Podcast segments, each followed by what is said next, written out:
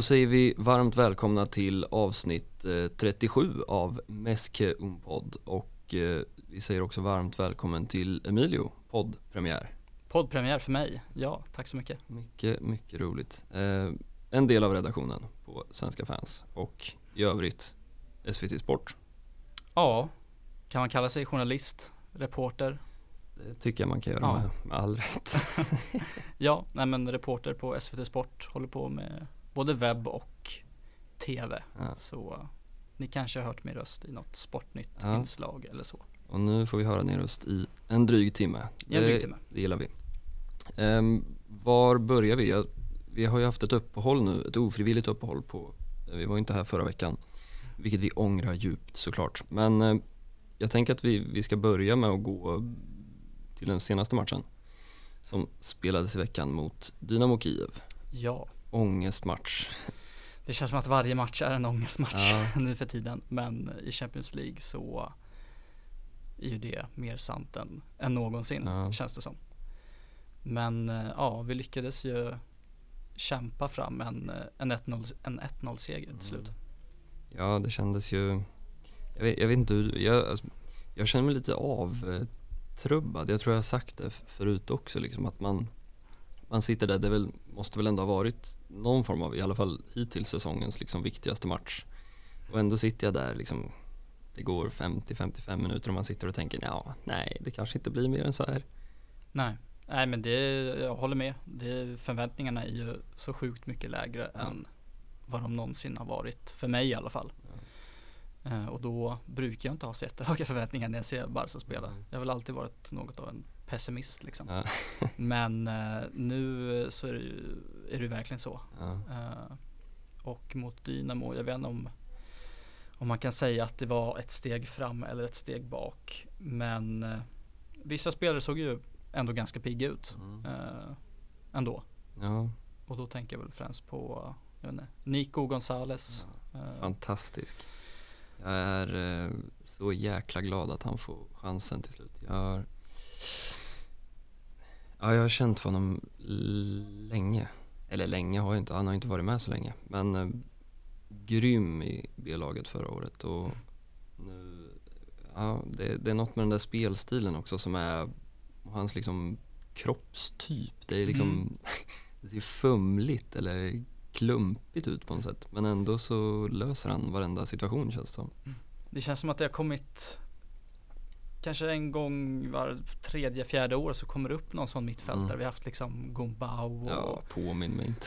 Sergi Samper som man liksom hoppas ska ta det där steget. Eh, och nu är väl Nico kanske till och med lite yngre än vad de var när de kom upp. Och ser mycket bättre ut än vad de gjorde. Ja, det Så här måste tidigt. man nog verkligen säga. Sen, han har ju fått chansen också. Det är mycket där det handlar om. Så är det. Men ehm, ja, Nico, vad har vi mer som stack ut? Jag tycker Gavi gör en bra match igen. Gavi gör nästan alltid en bra match skulle jag vilja säga. Det är ju verkligen ingen annan i laget som matchar hans aggressivitet i både pressspel och i princip när han har bollen så känns det alltid som att han springer i motvind men ändå lyckas komma förbi på Ja. något sätt. Och som högerytter också. Jag var lite mm, så fundersam, men samtidigt var jag glad att Coutinho inte var på banan. Det, det ska vi nog vara faktiskt. Ge och ta. Ja, Men eh, ja, sex, sex poäng mot, eh, mot Dynamo i, ja det blir ett sånt där skönt dubbelmöte i mitten på gruppen.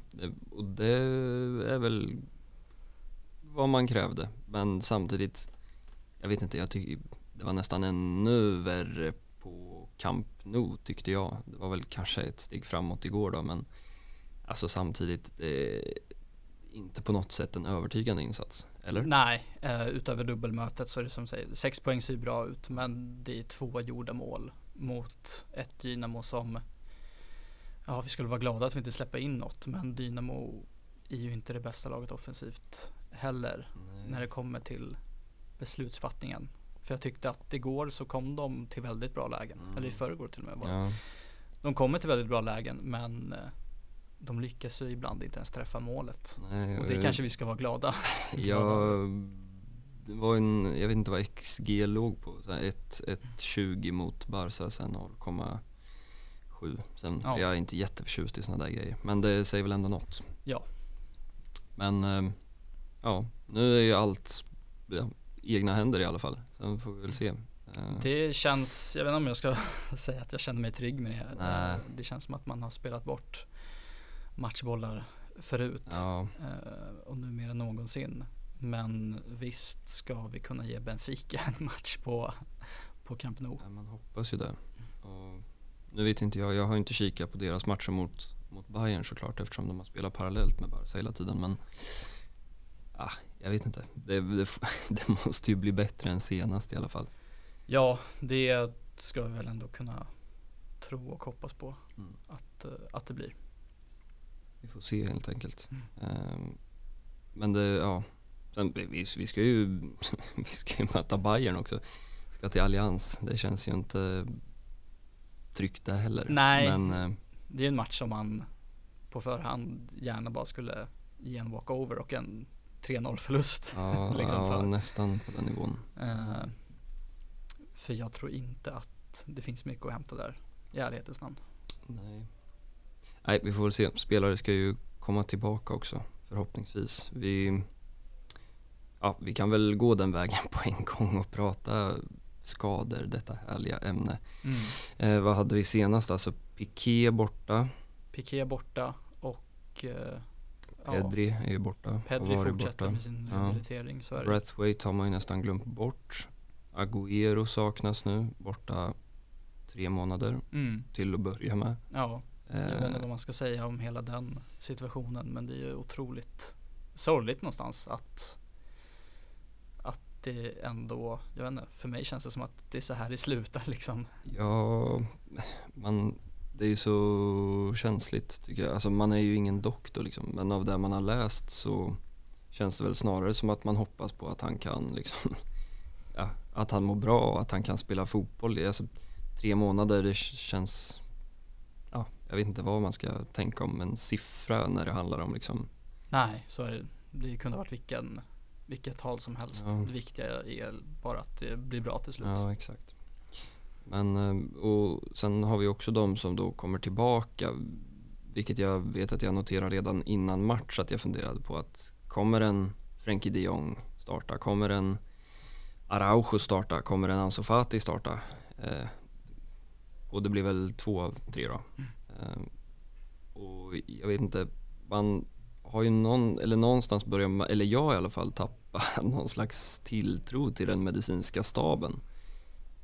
För Ja. att det känns som att det är så många gånger som dels, dels i mängd, antal spelare som har saknats, men också hur många gånger spelare skadar sig, kommer tillbaka och får ett återfall och försvinner igen.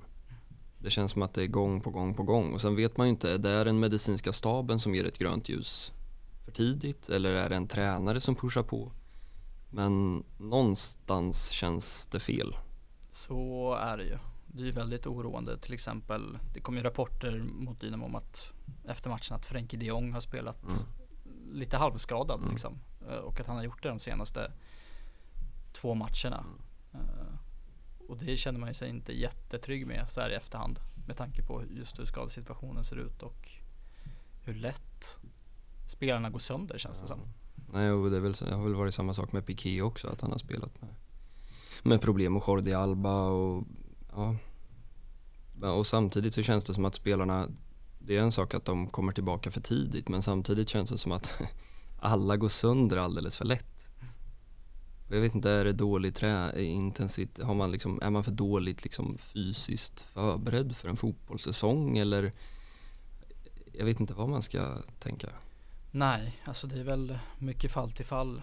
En sån som Piqué ska väl kanske inte vara så jätteförvånad över att han går sönder Nej. med tanke på ålder och, och belastning. Mm. Eh, Jag tänker som en, en sån som Pedri också var väl liksom att det kommer förslitningsskador nu känns väl inte som en överraskning efter att han spelade, vadå, 73 Ja. matcher. något i den stilen av flygit över hela, hela jordklotet och allting. Så den var väl lite att räkna med förr eller senare. Ja. Eh, sen är man väl glad att det inte var något superallvarligt. Nej.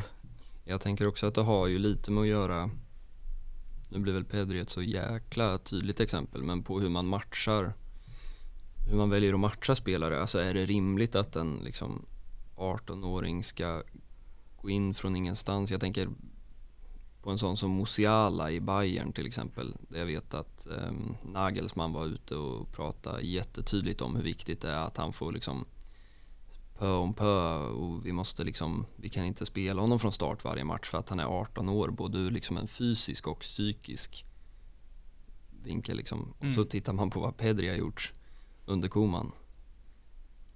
Det är ju en 180 graders vändning om Ja. man jämför med Musiala. Verkligen. Och samtidigt så, ja, står man här nu då har Pedri spelat 73 matcher och så står man nu och är besviken på det. Hade han spelat noll matcher då hade man tyckt varför spelar han inte för ungdomar? Men eh, någonstans känns det ju, man är ju knappast överraskad över att Pedri går sönder. Nej, det och jag tänker man liksom, nu hade väl Bojan väldigt mycket mer problem med det psykiska än det fysiska kanske. Men jag, det är en liksom spelare som alltid kommer upp i min tanke när jag ser spelare som slår igenom väldigt tidigt och får liksom stor, stora roller och mycket matcher. Och, Ja, fina Bojan Krikic, vad det kunde ha blivit.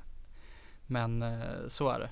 Eh, och jag tror att Pedri, han blev väl någonstans en symbol för liksom hela, nästan för mig, Komans gärning. Att det är Mm. han som ger de, de unga chansen och då riktar man blickarna mot Pedri som wowade en hel, hela fotbolls-Europa liksom.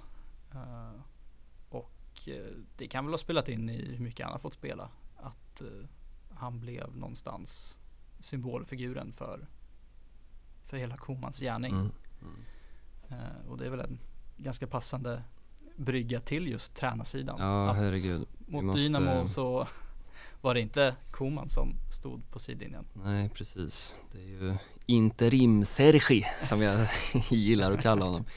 Ehm, Jag har ju inte jättemycket till övers för tränaren Sergi Barjuan, men eh, eller ja, det ska jag inte säga. Jag är mest lack över att Pimienta fick gå från, från Barca B och då kommer man in som ersättare, då ligger man på minus från början, men ja, det, det är ju inte en tränare som överhuvudtaget ska vara aktuellt för ett jobb och det tror jag inte att han tänker heller utan han är väl mest glad över att få stå på Camp Nou några matcher. Ja, det, det, kan man väl unna honom. det verkar ändå som att alla är på samma, på samma blad Ja. när det kommer, kommer tre. Ja. Men eh, som du säger, han fick väl tränarjobbet i B-laget just för sin koppling till, till Laporta Ja, och stödet det- han gav eh, med hela presidentvalet Mm. och, Mm. och allt som har med Ja. det att göra. nej, det är väl ungefär där man Ja, jag vet inte vad man annars ska tänka. För mig är det så Jag har sagt det alldeles för många gånger men jag förstår fortfarande inte varför man plockar bort Pimienta. Men det, det, det är väl nästan garanterat som du säger att man vill plocka in sitt folk. Och det. Han är ju politiker ut i fingerspetsarna Laporta och det har ju sina för och nackdelar. Så är det. Jag får alltid en, en Trump-vibe av honom nästan. Att han, har, han kom ju in med hela liksom nästan Let's make Barca great again. Och hans, som ni var inne på i förra poddavsnittet, hans eh, roliga videos på Twitter Mm. där liksom han hejar på alla, alla ska komma till Camp Nou och killarna behöver, behöver alla stöd Ja, i ja. den här tuffa tiden liksom. Inga, inga jämförelser i övrigt. Nej, brännan kanske inte är lika. Nej, han, satt och, han såg frusen ut i, i Kiev där jag såg han satt under någon filt där med vad jag gissar var någon typ av Dynamo Kiev-president Ja. bredvid. och- Det känns som att det alltid finns filtar när de åker till Ukraina. Ja, Det är väl alltid, spelarbänken brukar Ja, sitta ihopkurade. eh, det är väl inte dy- egentligen, är- jag, jag tänker på, det måste ju ha varit Shakhtar Donetsk som det är någon åttondelsfinal, jag tror vi har haft dem i något gruppspel också ja, Men det är sant som du säger, de stora härliga filtarna och dunjackorna. Och, ja. vantarna och mössorna. Ja, men eh, ja, interim Sergi lär ju försvinna. Jag tänker att vi ska börja i det som har varit och det som har försvunnit, nämligen Ronald Koeman. Mm. Ett och ett halvt år drygt på posten och nu borta. 10 000 kronors frågan är väl hur man, hur sammanfattar man den tiden? Oj, ja. Nej men eh, det, man får ju börja med att säga att farhågorna som vädrades när han blev tränare visade sig vara sanna. Att det sk- inte skulle sluta lyckligt Mm. helt enkelt. Mm. Precis som det har gjort eh, under hans andra klubblagsengagemang.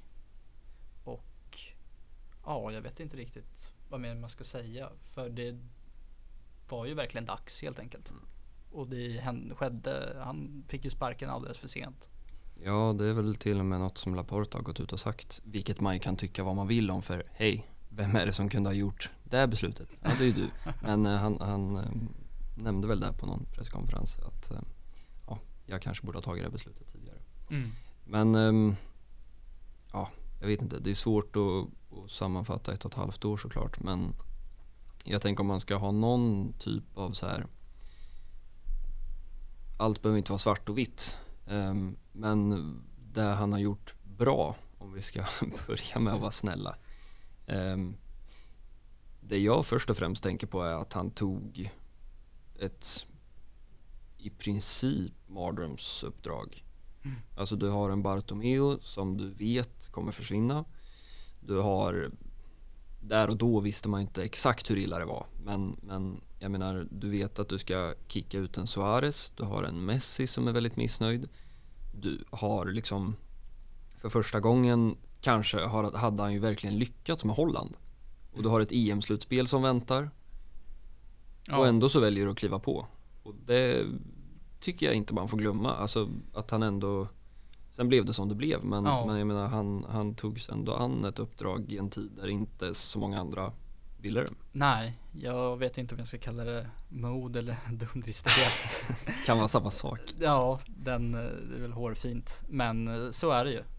Han tog emot, det är väl ett mission impossible egentligen, där I och då princip. med all fakta som man sitter med nu. Mm. Eh, Och det såg väl helt okej ut till en början, sk- alltså om man blickar tillbaka. Eh, Ja, det måste man nog ändå säga. Och jag tänker kanske framförallt på våren. Um, alltså det är väl... Är det en 6-1 borta mot eh, Lareal i, i San Sebastian? Det är Ja. bara en match som har fastnat som var liksom så... Allt funkade bara. Ja, Det var, gick väl obesegrade bra många matcher och plockar hem Copa del Rey-titeln och, och den finalen mot Athletic Club är ju, kommer man väl ändå minnas. det kommer man göra. Främst för att det någonstans påminde en om hur, hur det har varit Mm. på något sätt. Och jag kommer ihåg att jag tänkte där och då att fan det här är en titel man ska njuta av. Mm. För det kändes verkligen att det här kommer inte vi vara med om så ofta Nej, framöver. nej. Eh, och det ska han ju absolut ha cred för. Ja. Och han lyckades verkligen ju få med sig Leo Messi. Eh, Ja, det måste man väl också perioden. ändå med tanke på vilken Leo Messi som gick in i säsongen. En Messi som tvingades kvar och ska också komma ihåg att det här är ju innan man, alltså vi visste ju inte att det skulle bli ett presidentval överhuvudtaget. Alltså det såg ju, man har nästan glömt hur mörkt det såg ut där och då. Verkligen. Men det är klart, det, ja, det hände ju någonting där efter, kanske redan på gång innan jul, men efter jul, ja. Sen räckte det ju inte hela vägen. Det gjorde ju inte det. Och det är väl nästan, ah, jag vet inte om man kan skylla allting på honom. Eh, Det är en så stor klubb och det har ju verkligen märkts att när det inte är säkert och kontrollerat uppe på presidentbalkongen så sipprar det ner hela vägen in på plan. Mm. Så har det ju verkligen varit. Och då är det klart att han hamnar ju i skottgluggen däremellan. Och sen kommer sommaren och Laporta står och säger att eh, ja, vi vet inte om det här är vår tränare. Vi får se om två veckor ungefär. Eh, och då, där och då känns det lite som att, för att om våren var stark och Copa del Rey-titeln någonstans blev liksom kronan på verket så kändes det ändå som att ligavslutningen, då var det liksom lite tillbaka i det här att nej, inte riktigt. Nej. Men sen var det som att under sommaren och när han får beskedet av Laporta att ja, men du vänta, jag ska bara eh, slå några samtal till typ Xavi, antar jag. Eh, vi, vi hörs om två veckor så får vi se om du är rätt tränare.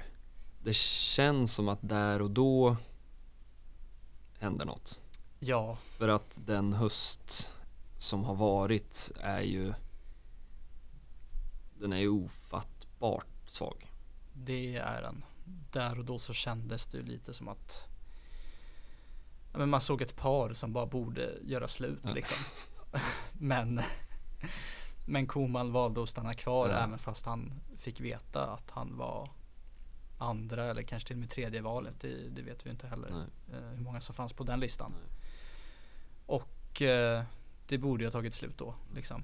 Och det är lätt att säga det med facit i hand men det ska man väl vara det kunde man väl ändå se då redan.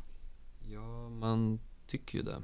Men eh, samtidigt är det ju något konstigt i den liksom distinktionen att samtidigt har Laporta varit så oerhört tydlig i media med att det är Koman som gäller, vi måste stå bakom Koman och sen funderar man på men hur har det egentligen funkat i verkligheten då? Mm.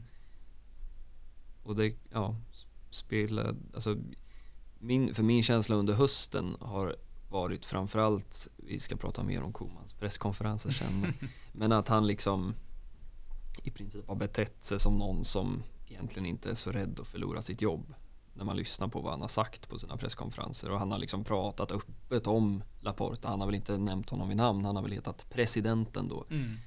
men eh, Nej, så, så är det. det Han, eh, ja, varje vecka så är det någonting nytt. Mm. Eller var det någonting nytt. Och jag håller helt med det du säger att det kändes som att han hade ganska lite att förlora. Ja. Och att han verkligen pressade ja, för att få fram 12, 12 miljoner euro i avskedsgåva tänkte jag säga. Det är det ju inte heller. Vi ska komma till det också. Men jag, vi ska stanna i, i och vara lite snälla och glada ett tag till. Jag tänker också på de unga spelarna som har fått chansen. Vi pratade om att Pedri har fått chansen kanske för mycket men, men det finns ju fler. Jag tänker på en Araujo.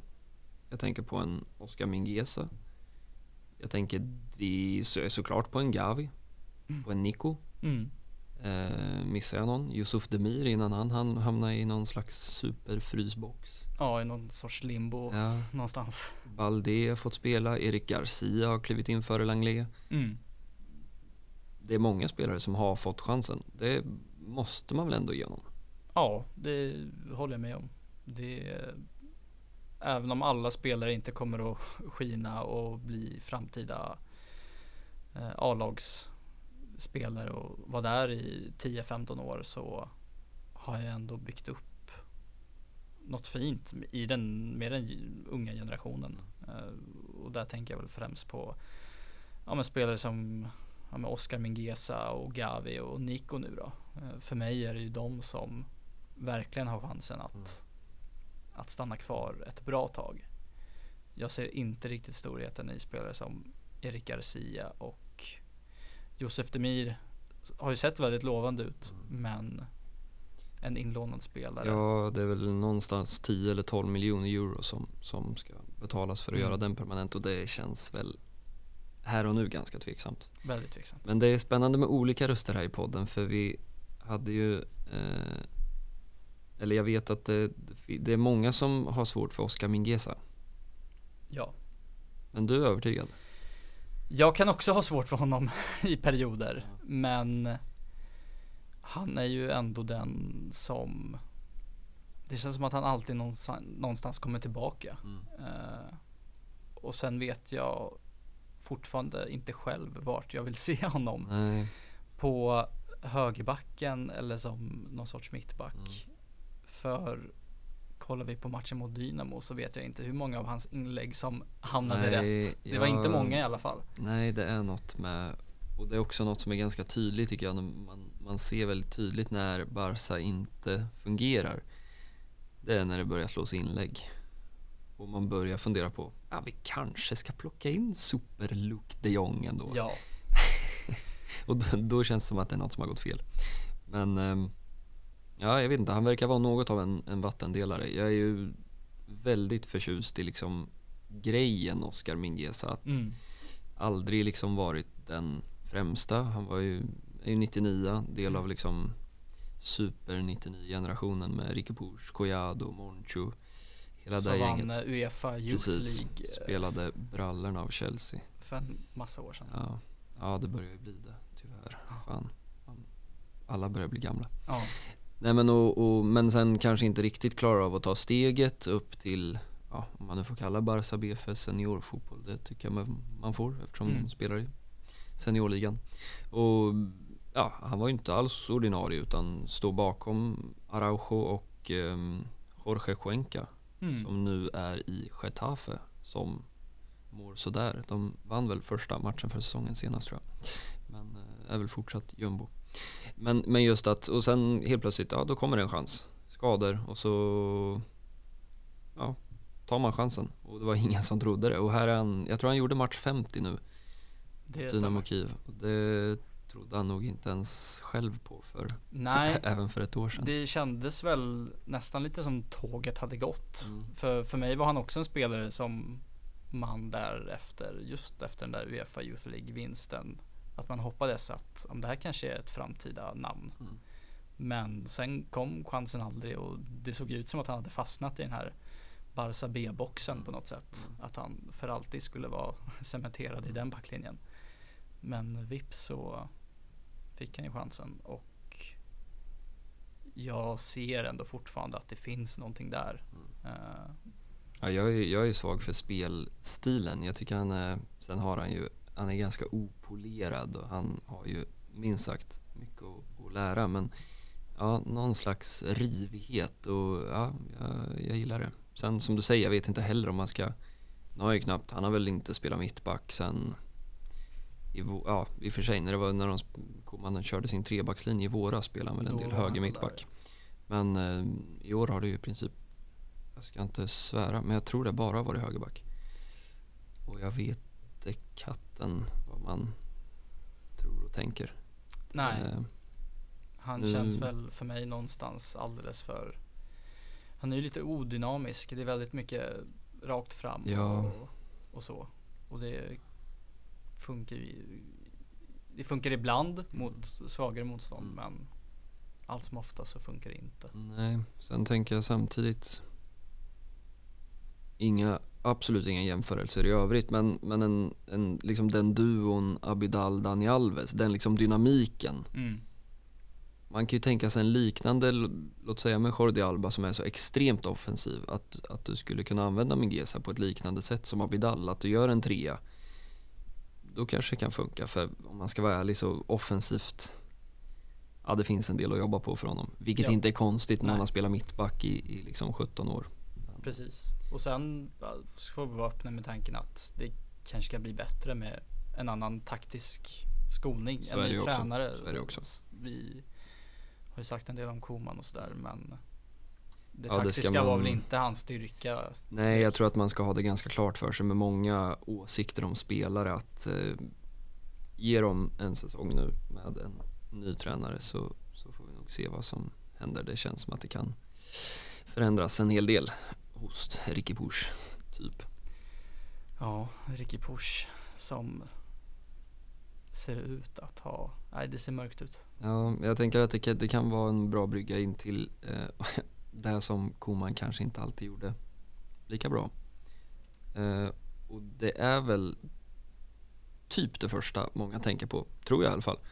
Eh, den, vad ska man kalla det? Konflikt, dispyt, Ja. någonting är det och har varit, antar jag. Ja, det verkar ju vara den stora schismen på något sätt. Ja, För Ricky blev ju nästan hela Han blev ju gullebarnet i princip eh, Och det fanns inte någon som Inte älskade honom När han liksom efter matcherna såg ut Mm. som en Världens mest överlyckligaste pojke i princip Bara Ja. för att ha gjort fem minuter ja. eh, Och den glädjen han, han utstrålade Mm. Eh, och det gör ju det otroligt tufft att se hur han nöter bänk match efter match och får inte ens ett inhopp. Mm. Eh, och det ja, är väl mycket tack vare Koman. Det får Ja, vi ju man- säga med alla rapporter som har kommit. Ja, det... Sen vet man, man vet inte vad som händer på träningar, man vet inte, men, men ja, det känns som att det är för uppenbart. Sen ska man inte spekulera i exakt vad så det handlar om men, men någonting har det ju varit. Det, det måste man väl ändå slå fast. Och det kanske kommer ut. Det Det skulle inte förvåna mig om det kommer ut nu när Koman har lämnat. Och saker kommer att nystas upp. Mm. Så är det ju. Nej, och det blir spännande att se. Nu ska vi inte prata Ricky Push för det kan man göra hur länge som helst. Men det blir, det blir spännande att se var, var han tar vägen, vart hans karriärskurva pekar med en ny tränare. Verkligen. Men ehm, i övrigt, alltså kritik mot Koman efter ett och ett halvt år. Resultaten talar väl liksom för sig själv och den här höstsäsongen är väl, det är väl liksom inte så mycket att säga om. Det, det har väl varit ganska uppenbart att det inte har, att inget har funkat i princip. Nej, eh, ingenting har funkat och det som jag mest tänker på är väl ja, men inställningen någonstans. Att han har känts likgiltig och det får gå som det går och uttalanden om att vi är inte bättre än så här och det kommer att se dåligt ut tills Mm. det ser bättre ut. Men just öppenheten och hur, ja, men hur öppen han har varit med, med den inställningen har ju inte väckt framtidstron direkt. Nej, det är ju speciellt. Man... eh, Ja, I min värld så är det saker som man... Det är klart att du kan säga det i ett omklädningsrum att okej boys, vi vet var vi står, vi vet att vi kanske inte är favoriter längre. Vi ska göra det vi kan, men du går ju inte ut och säger det på en presskonferens inför en match. Nej, Alltså för mig är det liksom grundläggande psykologi. ja men det, Det- du kan inte stå där och vifta med den vita flaggan Nej. innan ens kriget har börjat. Liksom. Nej, och Det- det, är väl ytterligare liksom en sån som man känner att hade han själv liksom gett upp redan där och då? Det, för mig känns det verkligen som det. Att det, ja, men det var bara en tidsfråga och han visste det själv liksom. Sen, eh, ja. Och sen det, var, det här pratet om liksom att han har, han har saknat sina yttrar har ju också varit en sån liksom genomgående grej. Eh, nu har ju Ansu Fati kommit tillbaka och Osman Dembélé som vi väl ska återkomma lite till. Men eh, det, ja, jag vet inte. Det är klart att han har saknat yttermittfältare men jag menar han har ju skeppat Trincao. Han vill inte ha Yusuf Demir. Alex Collado har han inte ens velat ha i med tång. Nej, Så ja, då, då står du ju där med ja nu är Braithwaite skadad men ja, då får du spela Coutinho, Sergi- Serginho Dest och det härligare ytter mittfältspar har man ju ja, skådat. och det är ju i ärlighetens namn inte några egentliga yttrar heller. Nej, det ska man vara ganska klar med. Eh, det ska vi vara klara med. Men eh, ja, och eh, han, det är klart han inte har fått allting som han vill ha. Nej. Eh, det måste han ju ha varit medveten om eh, i princip i varje transferfönster. Mm. Med tanke på hur ekonomin och hela det debaclet har sett ut. Mm.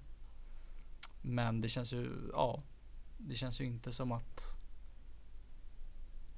han på något sätt har anpassat spelet efter det och, och det är väl just det som jag någonstans tar, tar med mig att hur annorlunda spelet har varit. Mm. Hur identiteten har varit. Att man plockar in en Luke de Jong och det ser ut som att vi ska spela långbollar i 90 minuter. Ja, det är ju någon ligamatch. Nu har motståndet lämnat mig, men när, när det är tio kvar och eh, han lassar upp Piqué och Luc de Jong på topp och vi Ja, jag vet inte vad man ska dra för taskig engelsk parallell. Bolton Wanderers eller något. Ja, men och det ja, men jag trodde ju knappt mina ögon nästan att är det det här vi håller på med liksom? Ja, det var ja, någon, någon slags så reality check tror jag att okej, här är vi nu. Mm. It's been a long way. Men eh, nu är det över. Ehm, för Koman i alla fall. Nu är det Och, över ehm, för Koman. Tyvärr så verkar väl liksom efterspelet också bli ganska trist för att om då uppgifterna stämmer, men de, de är väl ganska samstämmiga i katalansk media i alla fall, så handlar det om 12 miljoner euro som Koman har rätt till i liksom, ja, kostnaden för att bryta kontraktet helt enkelt. Mm. Och eh, enligt samma uppgifter så ska Barca då ha erbjudit 7,5 av de här. Men Koman ska ju då vill jag ha fullt betalt. Och jag vet inte hur man, hur, hur ställer man sig till den typen av uppgifter? Nej, eh, någonstans får jag ändå utgå från att det är Koman som som vet vad som gäller. Mm. Alltså begär han 12 så står det väl säkert att det är det Ja, han ska ha liksom. Garanterat. Men att det är Barca som vill eh, pruta ner den, Mm. den summan. Mm. Eh, Och jag tänker hur, hur ser man liksom För jag funderar ganska mycket och många Eller som vanligt, alla tycker om allt men Men många är ju då av åsikten att, jag menar Som Ja, man måste väl ändå få kalla honom för klubblegend eller klubbikon i alla fall. mm. Ehm, han är med, liksom väl medveten om vilken situation klubben befinner sig i. Det är väl liksom någon slags transferbudget här som försvinner.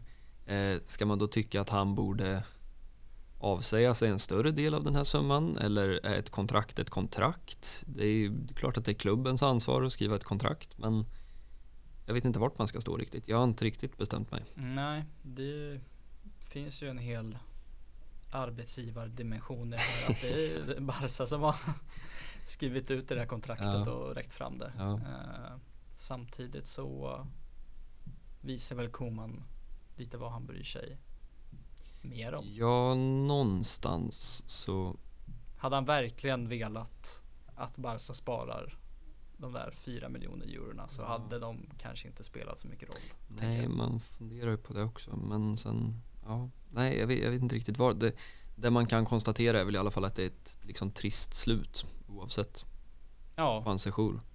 Ehm, men jag hoppas, sen vet jag inte om det är möjligt, men, men att man kan försöka i alla fall att skilja på spelaren Koman och tränaren Koman.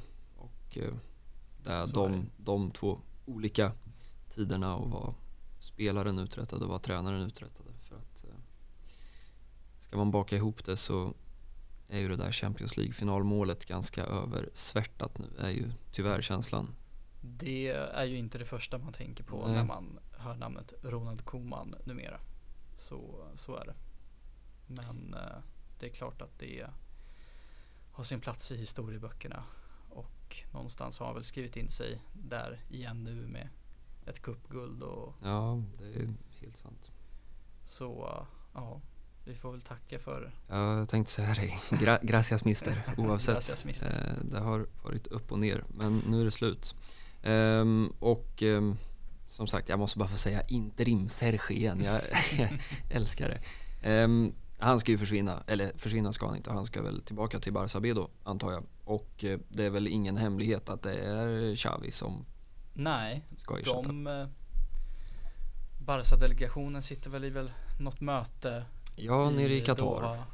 As we speak. Ja, det kan man nog förvänta sig. Jag vet Det- inte vad vi har för tidsskillnad. Men, Nej, men det känns varje gång man går in på Twitter så är det Barca-delegationen i Ja, kostym som ja. Står med de här shake. Ja, det är väl Alemani och grabbarna. Jag tror Planes är nere också. Ja. Laporta har ju inte åkt. Det är väl det som har diskuterats liksom. Och jag vet inte vad det sänder för signaler riktigt. Nej, Ehm. mycket har ju sagt som att Al-Sad vill träffa honom Mm. in person Mm. helt enkelt. Och få fram den här dealen. Mm. Men så har det ju inte blivit. Nej, och vi... Ja. Det är klart, vi står här och spelar in nu. Vi har varit i radioskugga i, är det, 40 minuter nu. Ja, det, kan, det ha- kan det kan ha hänt mycket. Och eh, ehm, vi får väl vi får utgå från vad vi vet. Men eh, de rapporterna som, som kommer är ju att det ska handla om 5 miljoner euro som, som Al-Sad vill ha för, för att Barca ska lösa Xavi. Och det är klart att Barca har ingen vidare lust att betala alla de Nej. miljonerna. Och det är väl egentligen där det handlar om. Jag tror väl inte att Al-Sad egentligen tror att de kan behålla Xavi. Nej, Det, så är det. även det- om de... Jag vet sportchefen var ute igår där och, och eh, hivade lite och sa att eh, vi kan absolut inte tänka oss att släppa Xavi i en sån här känslig del av säsongen. Nej. Men ah, det känns som att eh, Det känns som att det är nära. Ja, och som att, jag menar om, om nu Xavi vill så Sen är det också surt för dem för att det är klart, det är ju drygt ett år till VM och Xavi är väl ett jäkla affischnamn för Qatar som, som nation också liksom. Så, så är det. Sen eh, gråter jag inte några tårar över att de blir av med det. Men det eh, gör inte jag heller. Men eh, från deras ingen. perspektiv så, så är det helt sant. Ja. Eh, och eh, ja, han har väl gjort det bra.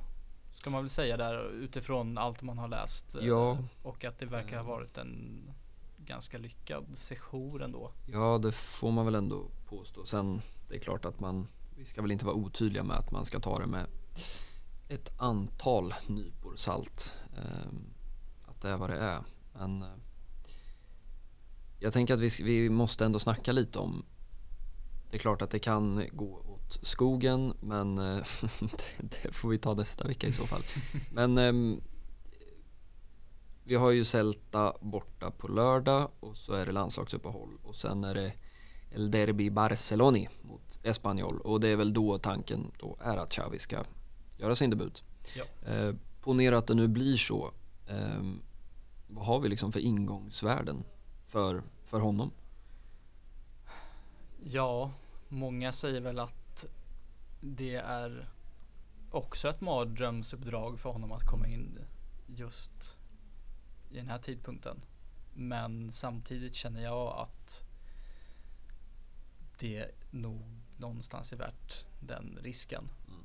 Och att eh, jag tror inte att han kommer att bli mer komplett som tränare eh, om han är kvar i Doha. Nej. Liksom. Nej, för det har ju pratats en del om att, eller han har väl själv, eller han har själv gått ut och sagt att, att han inte är intresserad av att träna Barça B.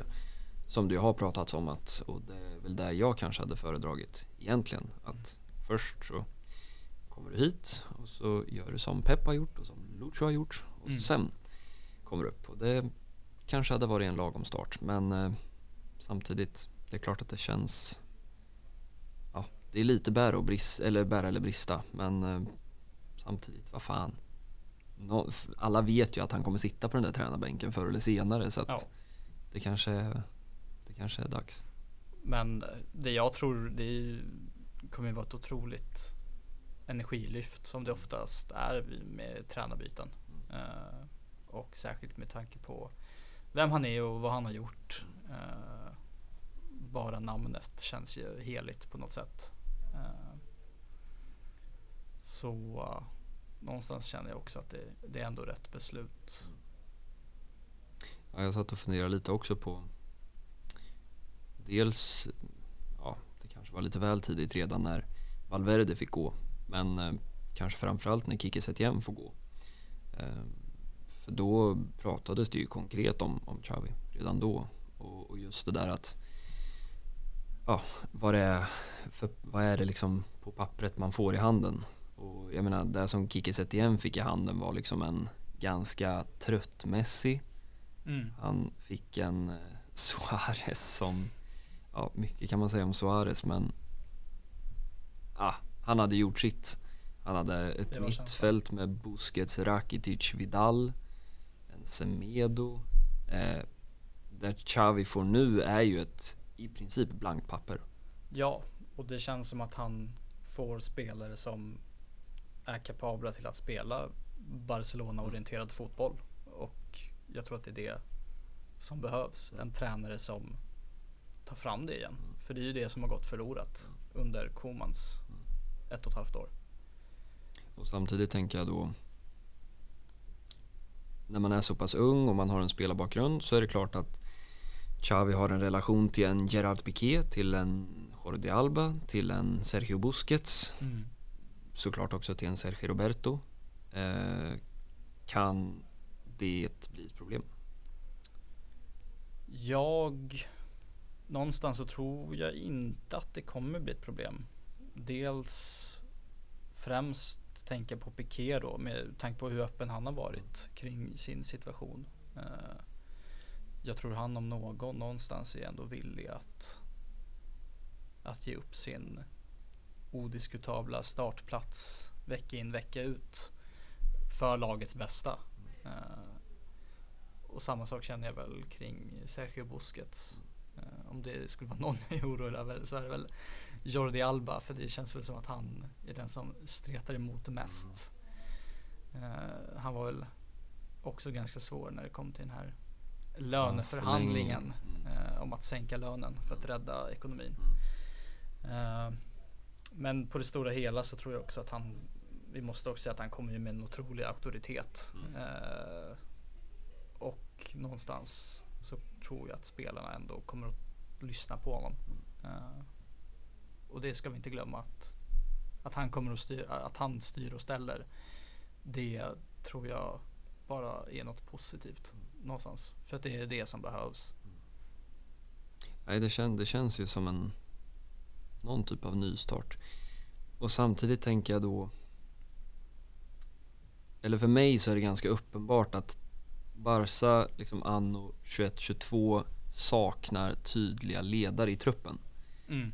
Och pratar vi då samtidigt om att man ska fasa ut en Piqué, en Busquets, eh, kanske en Jordi Alba. Och, då kan man ju börja med att fråga sig hur st stora ledare är de? Det är kanske är de som är problemet. Alltså jag menar det känns ju som att Jordi Alba är väl det bästa exemplet på en spelare som är så märkt efter liksom ja, Anfield var väl någonstans droppen liksom. Ja. Och detsamma känns väl liksom för Ter Stegen också. Eh, så kanske är det ledarna som har blivit problemet. Men jag menar plockar du bort ändå auktoriteten i omklädningsrummet. Den slutgiltiga frågan blir väl liksom vem ska leda detta nya Barca? Det är en väldigt bra fråga. Eh, spontant får jag väl upp en Mats André Ter Stegen. Eh, för han blir väl någonstans den som har varit längst. På... Så måste det bli. Ponera att de fyra kaptenerna Ja, Sergio Robertos kontraktsförhandlingar går väldigt segt. Ja, och det är ju absolut ingen spelare som man bygger någon framtid Nej. med liksom i, i nuläget. Nej. Det tåget har ju gått för länge sedan. Och, och liksom ponera att då Piqué, Busquets och Alba är borta om, eller i alla fall borta från en, en liksom startelva inom ett möjligt, möjligtvis två år. Ja, Eh, så är det klart att det, det kommer ju behövas ledare på planen. ja. För för mig har det varit så uppenbart att det är det som har saknats de senaste fyra, fem år sedan. Mm. Och jag vet inte, ja, Ter Stegen är ett alternativ. Det, jag vet inte, det är klart att Ansu Fati kommer ta ansvaret fotbollsmässigt. Mm. Men Men just den där rösten Ja. är ju fortfarande något som jag inte heller tycker man kan lägga på honom. Nej. Det, Nej. det blir nästan bara orättvist. ja, Eh, nej jag vet inte, en Frenkie de Jong är inte den typen. Jag menar du har Nico, visst Gavi är ju, men det är också lite, bara för att han är rivig och slitig så skulle Ja. han vara någon slags ledare. Jag vet inte. Den som jag tänker på är en Erik Garcia, Mm. som du nyss har sågat. Som jag nyss har sågat. Nej, men Erik Garcia, det känns ju Det känns någonstans som att han kommer in snett väldigt mycket. Eh, och det har han ju gjort också.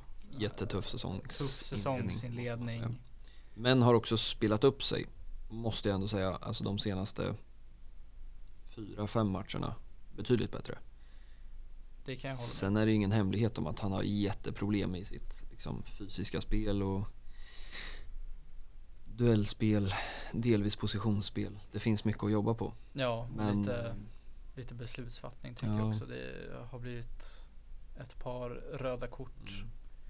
Vilket brukar vara väldigt ovanligt i Barcelona. Det är väl ja, de som historiskt sett, de brukar ju inte dra på sig så många kort överhuvudtaget med tanke på att de håller i bollen 70% av tiden. Ja, nej. Men eh, Garcia eh, drar ju på sig väldigt mycket kort. Men eh, det är ju det är ett väldigt romantiskt namn om man ska se det så. Det ja, han har varit lagkapten i många ungdomslag. Eh, kadett och ja. juvenil. Och, men ja, det är ju en spelare som har gjort den där Piqué-resan Mm. liksom och lämnat Barcelona för att gå till en Manchester-klubb.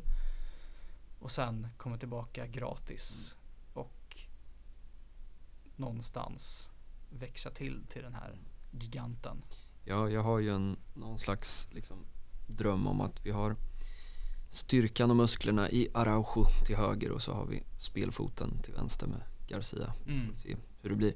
Araujo är i och för sig också en kandidat.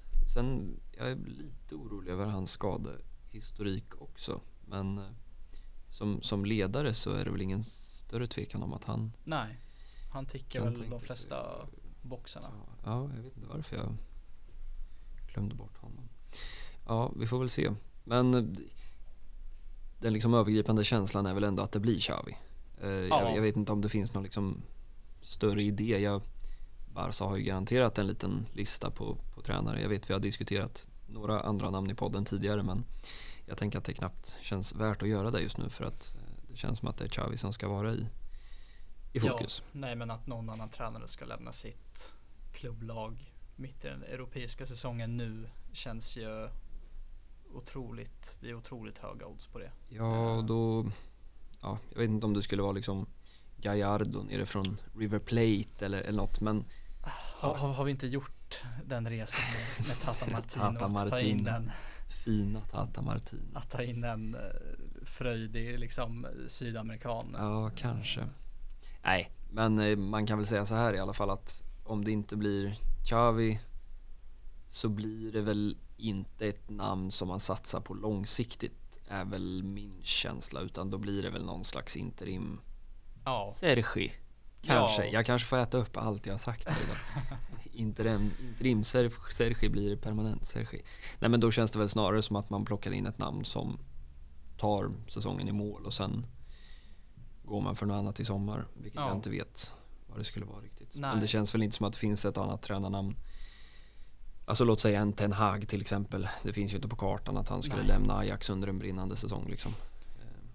Och det är just den här kontinuiteten och det långsiktiga Ja. som krävs i hela klubben. Ja. Alltså från spelarplanen till tränarbänken till presidentposten även om inte man kan kontrollera det med, med valen som ska, ska vara. Liksom. Mm. Så är det ju det tänket som måste tillbaka. Eh, och det är ju det som har varit väldigt frustrerande. Sen Bartomeu att det, ja efter Valverde i princip att Setien får vad fick han? Eh, Någon månad? Alltså det var ju den fruktansvärda pandemi-fotbollssommaren Ja, 2020 som ingen vill minnas tror jag. Nej. Framförallt inte vi. nej. Nej, det var inte många månader.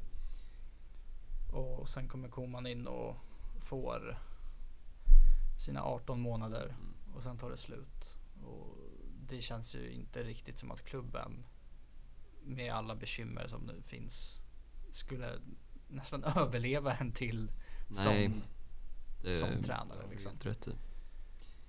Vi får se vad som händer helt enkelt. Vi får överlåta, vi står för orden och så överlåter vi handlingarna till Barca-delegationen i Doha. vi får hoppas att de löser vi se. Vi lär ju ha besked om drygt en vecka vid nästa inspelning.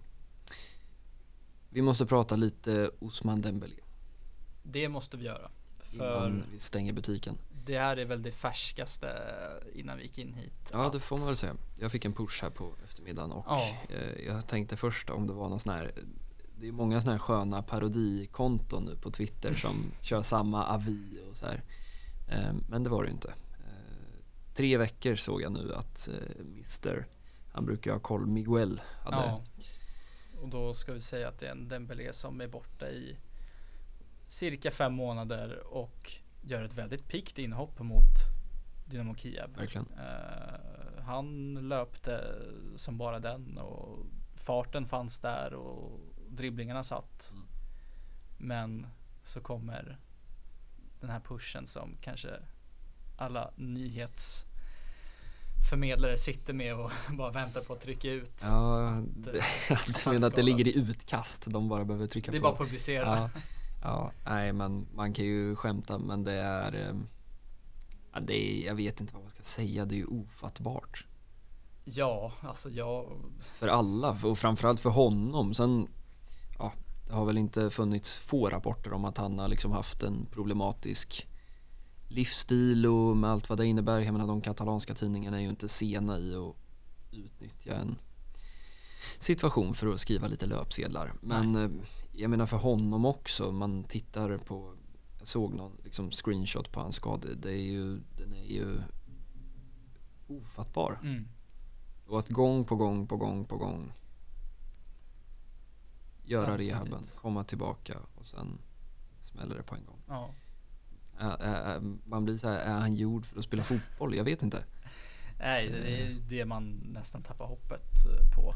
Samtidigt som vi ska säga att Dembélé befinner sig i en ganska kritisk situation kontraktsmässigt. Verkligen. Att som det ser ut idag så skulle han kunna lämna gratis. Mm. Ja, han får ju börja förhandla om, vad är det, två månader? Ja, Typ. en spelare som kommer in för över miljarden. Mm. Eh, och att det antingen är förläng och satsa på glasspelaren Dembélé som det är i dagsläget. Eller låta, låta en miljardinvestering gå gratis. Mm. Det är ju en riktig mardrömssituation som Ja, också med tanke på att, jag menar, han sitter ju på ett kontrakt som han knappast lär få ännu en gång. Alltså det lär ju handla om en lönesänkning även för honom, precis som det har gjort för alla spelare. mm, Ehm, Och jag vet inte hur sugen han är. Sen är det klart, jag menar förläng och sälj i sommar då. Ja, alltså om man ska vara lite cynisk. Men eh, ja, nej, jag, min första tanke var att jag liksom tycker mest synd om honom nu tror jag. Ja, men så, så är det ju. Sen vet jag inte vad man ska, hur mycket man ska Det kom väl direkt rapporter om att då han spelade väl dryga halvtimmen mot Dynamo i veckan då Mm, och att han då var redo för en kvart eh, kom det ju direkt rapporter om då och vad som har hänt liksom däremellan är ju svårt att säga. nej. Men eh, ja, jag vet inte. Rapporter som jag läste också var att den här skadan inte har någonting att göra med, med den senaste då, som han Nej. eh, ådrog sig i. Det var väl i början av EM. Jag tror till och med att det var, det var väl till och med innan EM va?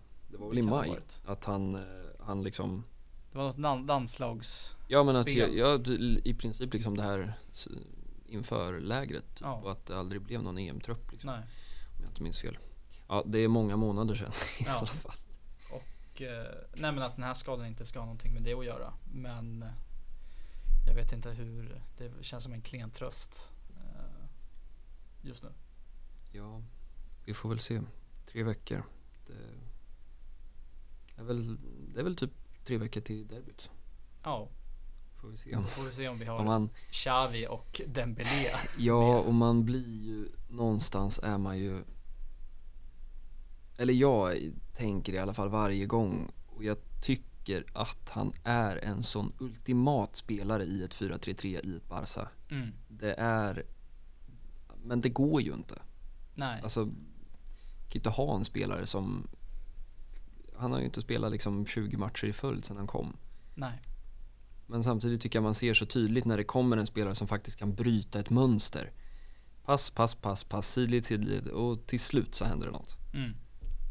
Jämfört med, ja och då, då är ju problemet att man jämför det med en Serginho Dest eller en Coutinho eller en Gavi. Det, det är ju inga yttermittfältare. Men eh, det är ju i mina ögon exakt den spelartypen som, som behövs. Ja, nej det var ju en, en rätt rekrytering liksom. Som eh, gjordes där och då.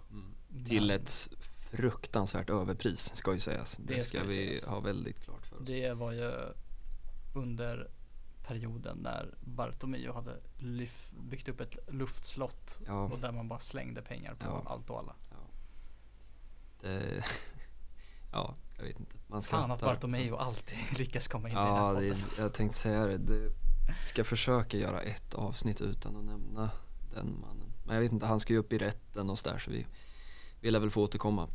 Så är det. Men eh, framåt då. Celta Vigo. Eh, och jag har skrivit i mina papper att det är borta. Jag hoppas att det stämmer.